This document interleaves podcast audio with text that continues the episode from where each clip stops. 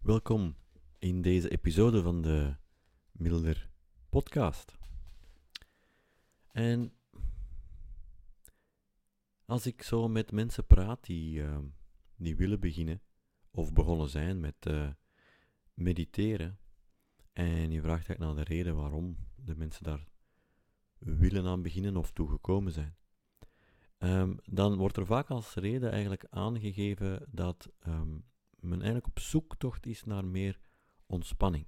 Um, de zoektocht naar ontspanning brengt mensen tot mindfulness, tot mediteren, misschien in een andere vorm. Um, en dat is dus eigenlijk een beetje de trigger, zeg maar, om uh, met mindfulness of met meditatie te beginnen. En dat is dan ook wat in meditatie wordt gezocht. Dus mediteren staat in de beleving van heel veel mensen dan gelijk aan een vorm van rust, een vorm van even ontspanning vinden in een, in een zee van onrust of stress of allerlei dingen doen en nastreven.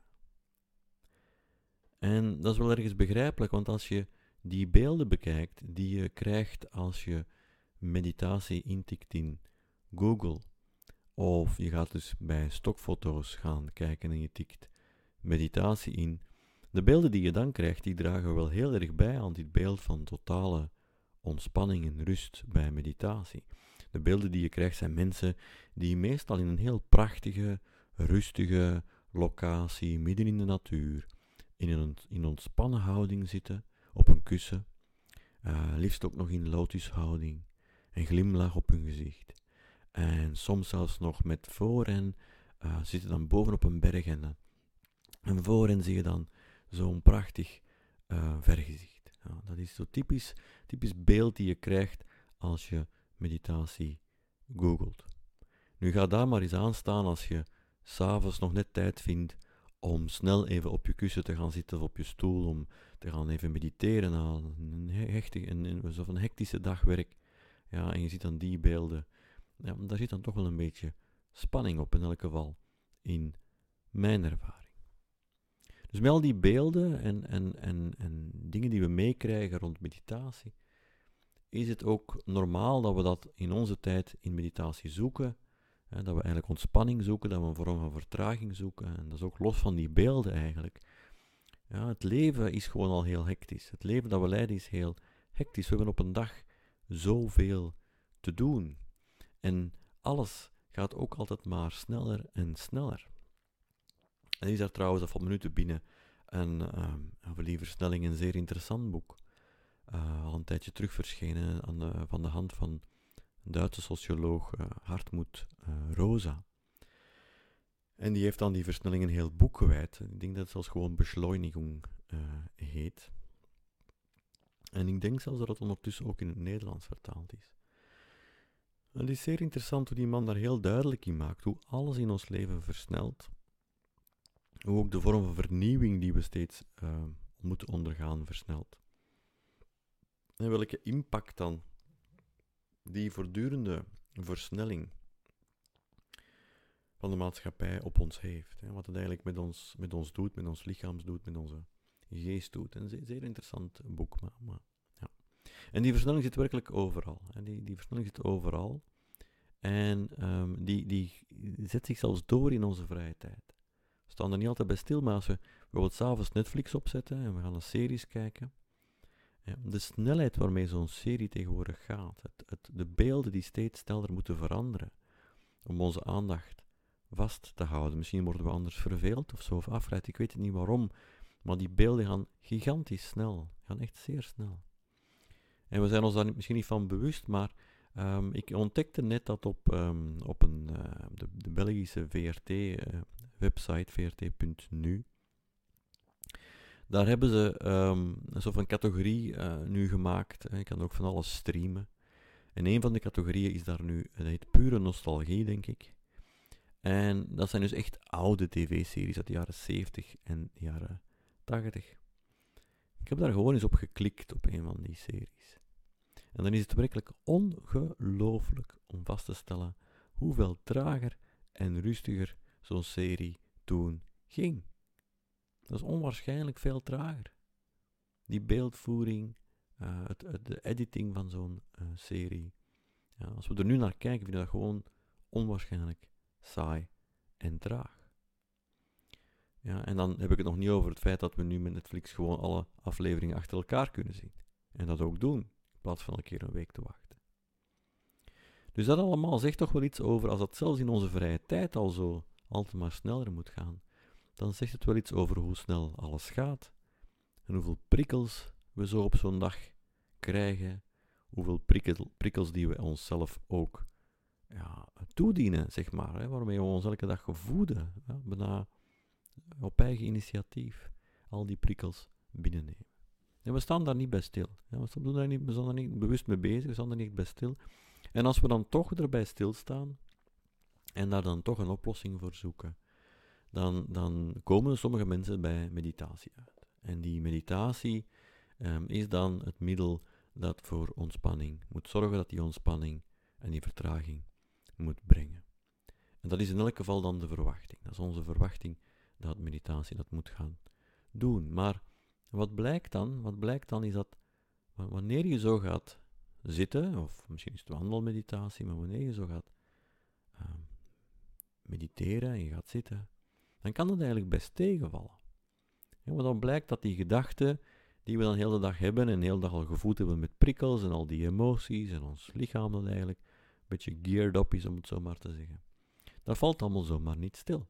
Van, van, ja, van de ene moment op de andere moment. Misschien wel, misschien gebeurt dat, maar dat is zeker niet altijd het geval.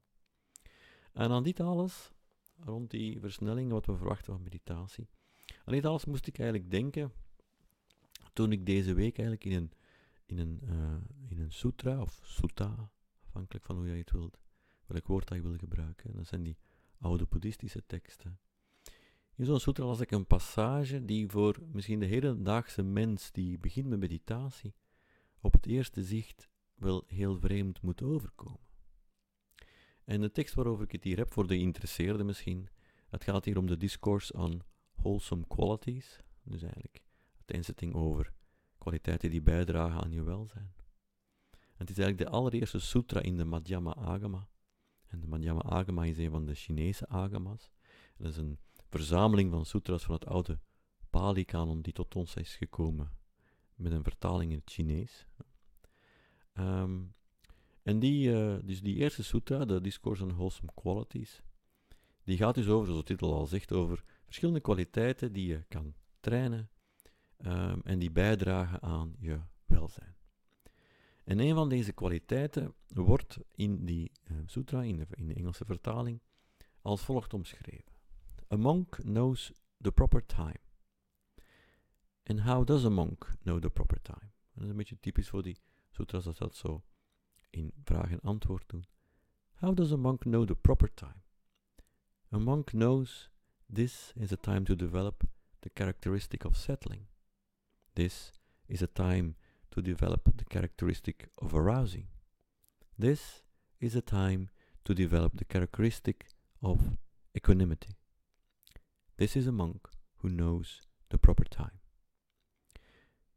Dus hij weet dus wanneer het tijd is om de geest te laten settelen om als het ware de geest tot rust te laten komen. Wanneer het tijd is om de geest op te wekken. En wanneer het tijd is om het kenmerk van gelijkmoedigheid, soms ook wel openheid vertaald, te ontwikkelen. Eerst en vooral, men gebruikt hier het woord, de aanspreking, het woord voor monnik. En um, dat is eigenlijk het woord is de vertaling van het woord bhikkhu, wat echt voor monnik staat. Maar dat wordt zo algemeen aangenomen, um, zoals ook duidelijk blijkt trouwens in het werk van Bhikkhu Analayo, die heel veel uh, artikels en boeken publiceert over dit soort sutras. wordt algemeen aangenomen dat deze aanspreking um, en instructies voor iedereen gold. Dus het is niet het feit dat hier nu staat uh, monnik als een soort van aanspreking, dat het niet zou gelden voor de mensen die um, kwamen luisteren en die geen monnik waren. En als we zo kijken naar die tekst, dan gaat het hier duidelijk om de meditatie-instructie. Uh, dat wordt algemeen aangenomen dat het hier gaat over een meditatie-instructie. En er is trouwens, en dat is nu misschien even een zijsprongetje, maar ik kan het even niet laten. Er is, er, er is nog een andere versie van deze sutra bewaard gebleven. En dat is eigenlijk, dat, dat is dus, sorry, die zijn, dat is eigenlijk een, een orale traditie geweest. En op een bepaald moment zijn die dan, uh, is men die beginnen opschrijven. En uh, die zijn dan tot, via verschillende wegen tot bij ons gekomen. En dus die ene is die Chinese vertaling die we nog hebben, van uh, die oudste sutras. maar er is ook nog een, een, een sutra, of een versie bewaard gebleven in het Pali-kanon van dezezelfde tekst. Dat, noemen, dat heet de, de Damanu. En die vinden we dan in het Majjhima Nikaya, dus het Pali, uh, de Pali-kanon. Um, en de Engelse vertaling daarvan heet The One with a Sense of Dhamma. Degene die een gevoel heeft voor de Dharma, voor de leer, zeg maar. En het interessante is dat in die tekst, in die versie, is de tekst juist op dit punt, of de rest is het eigenlijk allemaal redelijk gelijklopend, maar op dit punt is de tekst iets ruimer. Want in die versie beperkt um, deze instructie zich niet tot een meditatie-instructie, maar wordt dat eigenlijk een instructie voor het dagelijkse leven, voor het hele leven, zeg maar. Want daar zegt men, zegt men eigenlijk, kijk, and how is a monk one with a sense of time? En dan zegt hij, there is the case where a monk knows a time, and this is the time for recitation. This is the time for questioning. This is the time for making an effort. And this is the time for seclusion. Dus hier krijgen we een, een beetje een andere uh, opdeling. Want hier zeggen van, kijk, wanneer is het eigenlijk een goede kwaliteit? Dat is wanneer het, de monnik weet wanneer het tijd is voor het bestuderen van teksten. Die weet ook wanneer het tijd is om aan anderen te vragen wat de betekenis ervan is, als bepaalde teksten niet duidelijk zouden zijn. Hij weet ook wanneer hij een inspanning moet doen om de aandacht uh, erbij te houden als hij zo door zijn dagdagelijks leven gaat.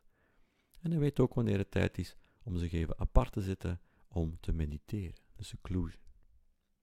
Dus in deze tekst gaat het eigenlijk voortdurend om het voortdurend in het dagelijks leven alert zijn en te voelen en te weten wat jij nodig hebt voor jouw welzijn en het welzijn van de anderen. En soms betekent dat dat je moet mediteren, soms betekent dat je moet denken van, oh, ik moet hier een beetje inspanning doen, want ik ben helemaal afgeleid of ik ben helemaal meegesleurd. Soms betekent dat dat je misschien wel eens iets moet lezen over aandachtig aanwezig zijn enzovoort. Dat gewoon even terzijde. Terzijde, ik vind dat zelf leuk, interessant om te zien dat er ook, dus wat we terugvinden van die oude teksten, dat er met de verloop van tijd variaties zijn ontstaan en andere accenten werden gelegd. Maakt ook dat we een beetje met een, met een ander oog naar zo'n tekst kijken. Maar dus in deze versie die ik deze week las en die ik hier bespreek, um, dus de Chinese versie, um, gaat me vanuit dat het dus enkel alleen om een, om een meditatie-instructie gaat. En dus die monnik, die weet dan wanneer is het tijd om de geest te laten settelen, of te poneren, te plaatsen, zeg maar. Wanneer is het tijd om de geest op te wekken, en wanneer is het tijd om het kenmerk van gelijkmoedigheid of openheid te ontwikkelen.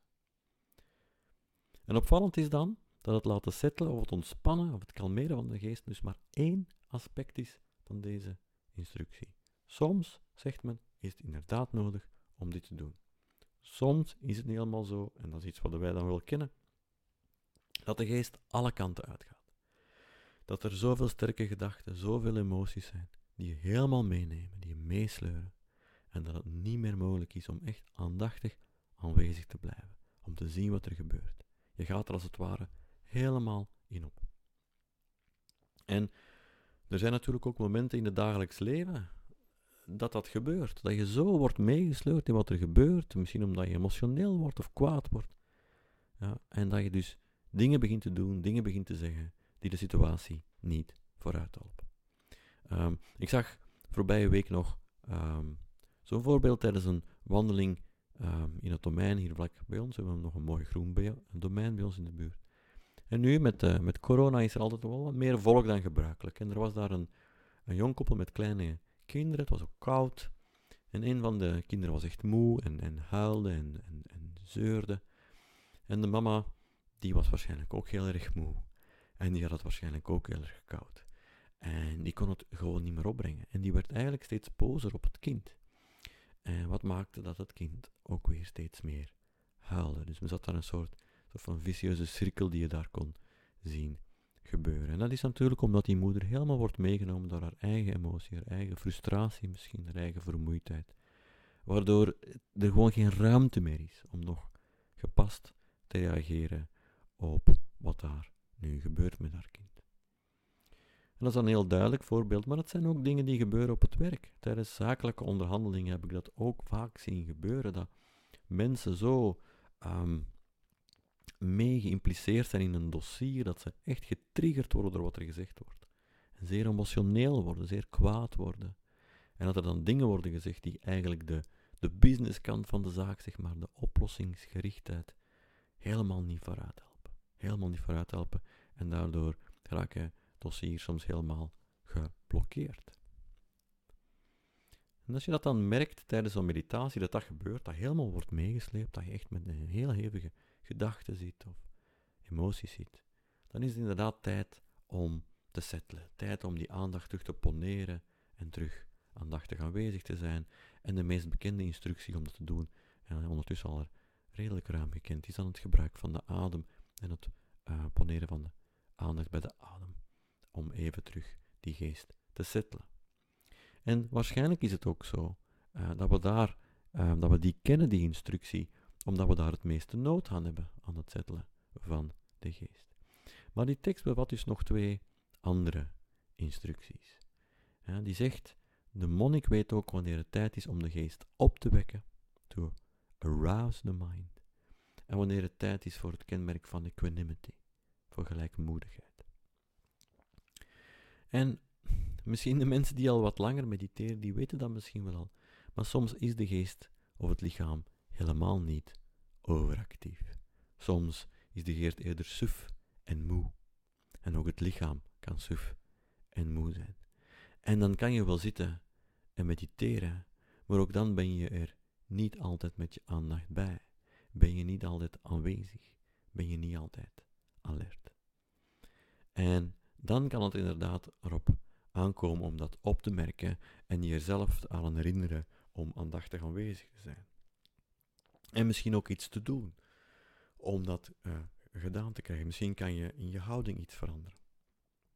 Vaak als je moe en suf bent, raak je ook wat ingezakt. Dan kan je misschien terug wat rechter gaan zitten. Wat maakt dan misschien ook alerter gaat zijn. Of enkele keer diepen in en uitademen. Of misschien is het gewoon wel beter om geen zitmeditatie te doen, maar eerder wandelmeditatie te doen. Omdat je dan toch wat meer in beweging bent. En soms, andere keren, ben je gewoon alert en open en aandachtig aanwezig. Word je niet meegesleurd. Ben je ook niet suf. En dan is het tijd om te zitten, op te merken wat zich aandient. Open. Met een open aandacht, zonder iets weg te duwen, zonder iets vast te houden. En dat is het kenmerk van gelijkmoedigheid, van openheid, waarvan sprake is in deze instructie. Dan is het kwestie van eigenlijk niks meer te doen. Ja, alleen maar op te merken wat er zich in de geest voordoet, welke emoties dat er zijn en wat het allemaal doet met ons lichaam. En zo komen we eigenlijk bij de crux van meditatie, van deze uiteenzetting eigenlijk ook. De crux van meditatie is, ja, natuurlijk willen we meer balans vinden in ons leven. En meer balans vinden in ons leven is waarschijnlijk een betere omschrijving dan meer ontspanning vinden. Want daar gaat het om. We willen meer balans vinden in het leven. En om dat te kunnen doen, is het nodig en nuttig om te weten hoe je geest werkt, hoe je lichaam uh, reageert op allerlei dingen, wat emoties met je doen, wat die opkomen, ja, hoe je daarop reageert, welke reacties dat met zich meebrengt. En om daar heel erg vertrouwd mee te geraken. Hoe komt het allemaal op? Hoe werkt dat dan? Wat gebeurt er dan in en met jou? Dus meditatie gaat dus niet altijd om ontspanning vinden. Meditatie gaat ook niet om, om alle stress uit je leven proberen te bannen. Sterker nog, eigenlijk zou je zelfs kunnen zeggen dat meditatie ook niet gaat om maar even ontspanning te vinden of een ontspanningsmomentje te creëren tijdens de meditatie. Dat kan een leuk nevenverschijnsel zijn. Soms is het inderdaad zo dat wanneer je gaat zitten, dat je echt ontspanning kan ervaren. En het is natuurlijk ook zo dat wanneer je omwille van meditatie en mindfulness meer balans vindt in je leven, dat dat op zich al natuurlijk dan ook maakt dat je minder stress ervaart. Dat je het leven misschien als iets rustiger ervaart, juist omdat je die balans meer kan bewaken. Soms wel en soms ook niet. Dus als we echt ontspanning gaan zoeken tijdens de meditatie, dan kan dat best tegenvallen. Zoals gezegd, die gedachten en die emoties stoppen niet maar zo direct als je gaat zitten. Het zou fantastisch zijn, maar dat is natuurlijk ook niet zo. En er is niks mis natuurlijk met relaxatie. Ja? En als je die relaxatie vindt, is dat heel erg mooi meegenomen. Maar zoals Edel Marx ehm, zegt, ik denk in, dat het in een boekje is ehm, wat mindfulness niet is. Een boekje waarin hij allemaal uitlegt van dingen die, hem, die al veel heeft gehoord, wat mindfulness zou zijn, maar wat het eigenlijk niet is. En ontspanning is daar ook een van. In zijn boekje ehm, zegt hij dat mindfulness iets heel anders is dan, ehm, dan even ontspanning zoeken. Mindfulness meditatie heeft daarin een heel ander doel. Want als je een ontspanningsoefening doet en er volgt geen ontspanning, dan mislukt de oefening. Maar als we bij mindfulness meditatie zo die starten en we ontdekken dat er geen ontspanning komt, dan vinden we dat juist interessant. Je ontdekt dan eigenlijk de onrust die er misschien al heel de dag is. Je kan die onrust nu zien. Je kan ontdekken hoe die onrust werkt. Je kan er vertrouwd mee geraken. Wat doet die onrust met jou? Welke gedachten komen er dan op? Wat doet het met je lichaam? En op die manier, door er vertrouwd mee te geraken, kan je ook je vrijheid terugnemen ten aanzien van die onrust. Want stress volledig uit je leven bannen is eigenlijk onmogelijk. Ja, stress is onvermijdelijk in dat punt. Dus je kan dan maar beter weten hoe die stress werkt en hoe je ermee kan omgaan. En dat geldt ook voor andere emoties, dat geldt voor andere uh, mentale hoedanigheden of mental states, um, zoals kwaadheid of verdriet en angst. En noem maar op. Kan je ook daarmee vertrouwd geraken? Kan je ook die herkennen als ze opkomen en er een zekere vrijheid tegenover houden? Soms wel, soms ook niet. Soms zijn ze zo groot dat je toch meegesleurd wordt. Zo is dat nu helemaal. Maar met meditatie en meer vertrouwdheid ermee, kan je dat misschien net iets meer die vrijheid behoudt. Blijf misschien net iets meer aan het stuur zitten van je eigen leven. Kan het misschien net zijn dat je de situatie niet erger maakt door je reactie, maar dat je wel een adequate respons biedt, waar zowel jij beter van wordt als de mensen in je omgeving beter van worden. misschien dat die moeder dan net wat ruimte kan vinden, ergens in een, in een hoekje van de kleine teen, om het kind toch te gaan troosten en begrip te bieden, ook al is ze zelf heel erg moe en gefrustreerd. Of misschien kan je tijdens die meeting op een bepaald moment toch wel ontdekken van, oh, hier worden die bepaalde knoppen bij mij geduwd. Ja, wat hier gezegd wordt raakt mij persoonlijk. En ik ga er dan heel erg in op en dan zit ik hier dubbel dingen te zeggen die de situatie nog erger maken. Dat heeft geen zin. Ja, hoe kan ik dat anders aanpakken? Misschien kan je dat tijdens de meeting al opmerken. En daar wordt dan uiteindelijk iedereen beter van. Dat wil daarom niet zeggen dat je dan over je heen moet laten lopen, maar wel dat je je kwaadheid op een andere manier kan uiten, die maakt dat naar een constructieve oplossing wordt gezocht.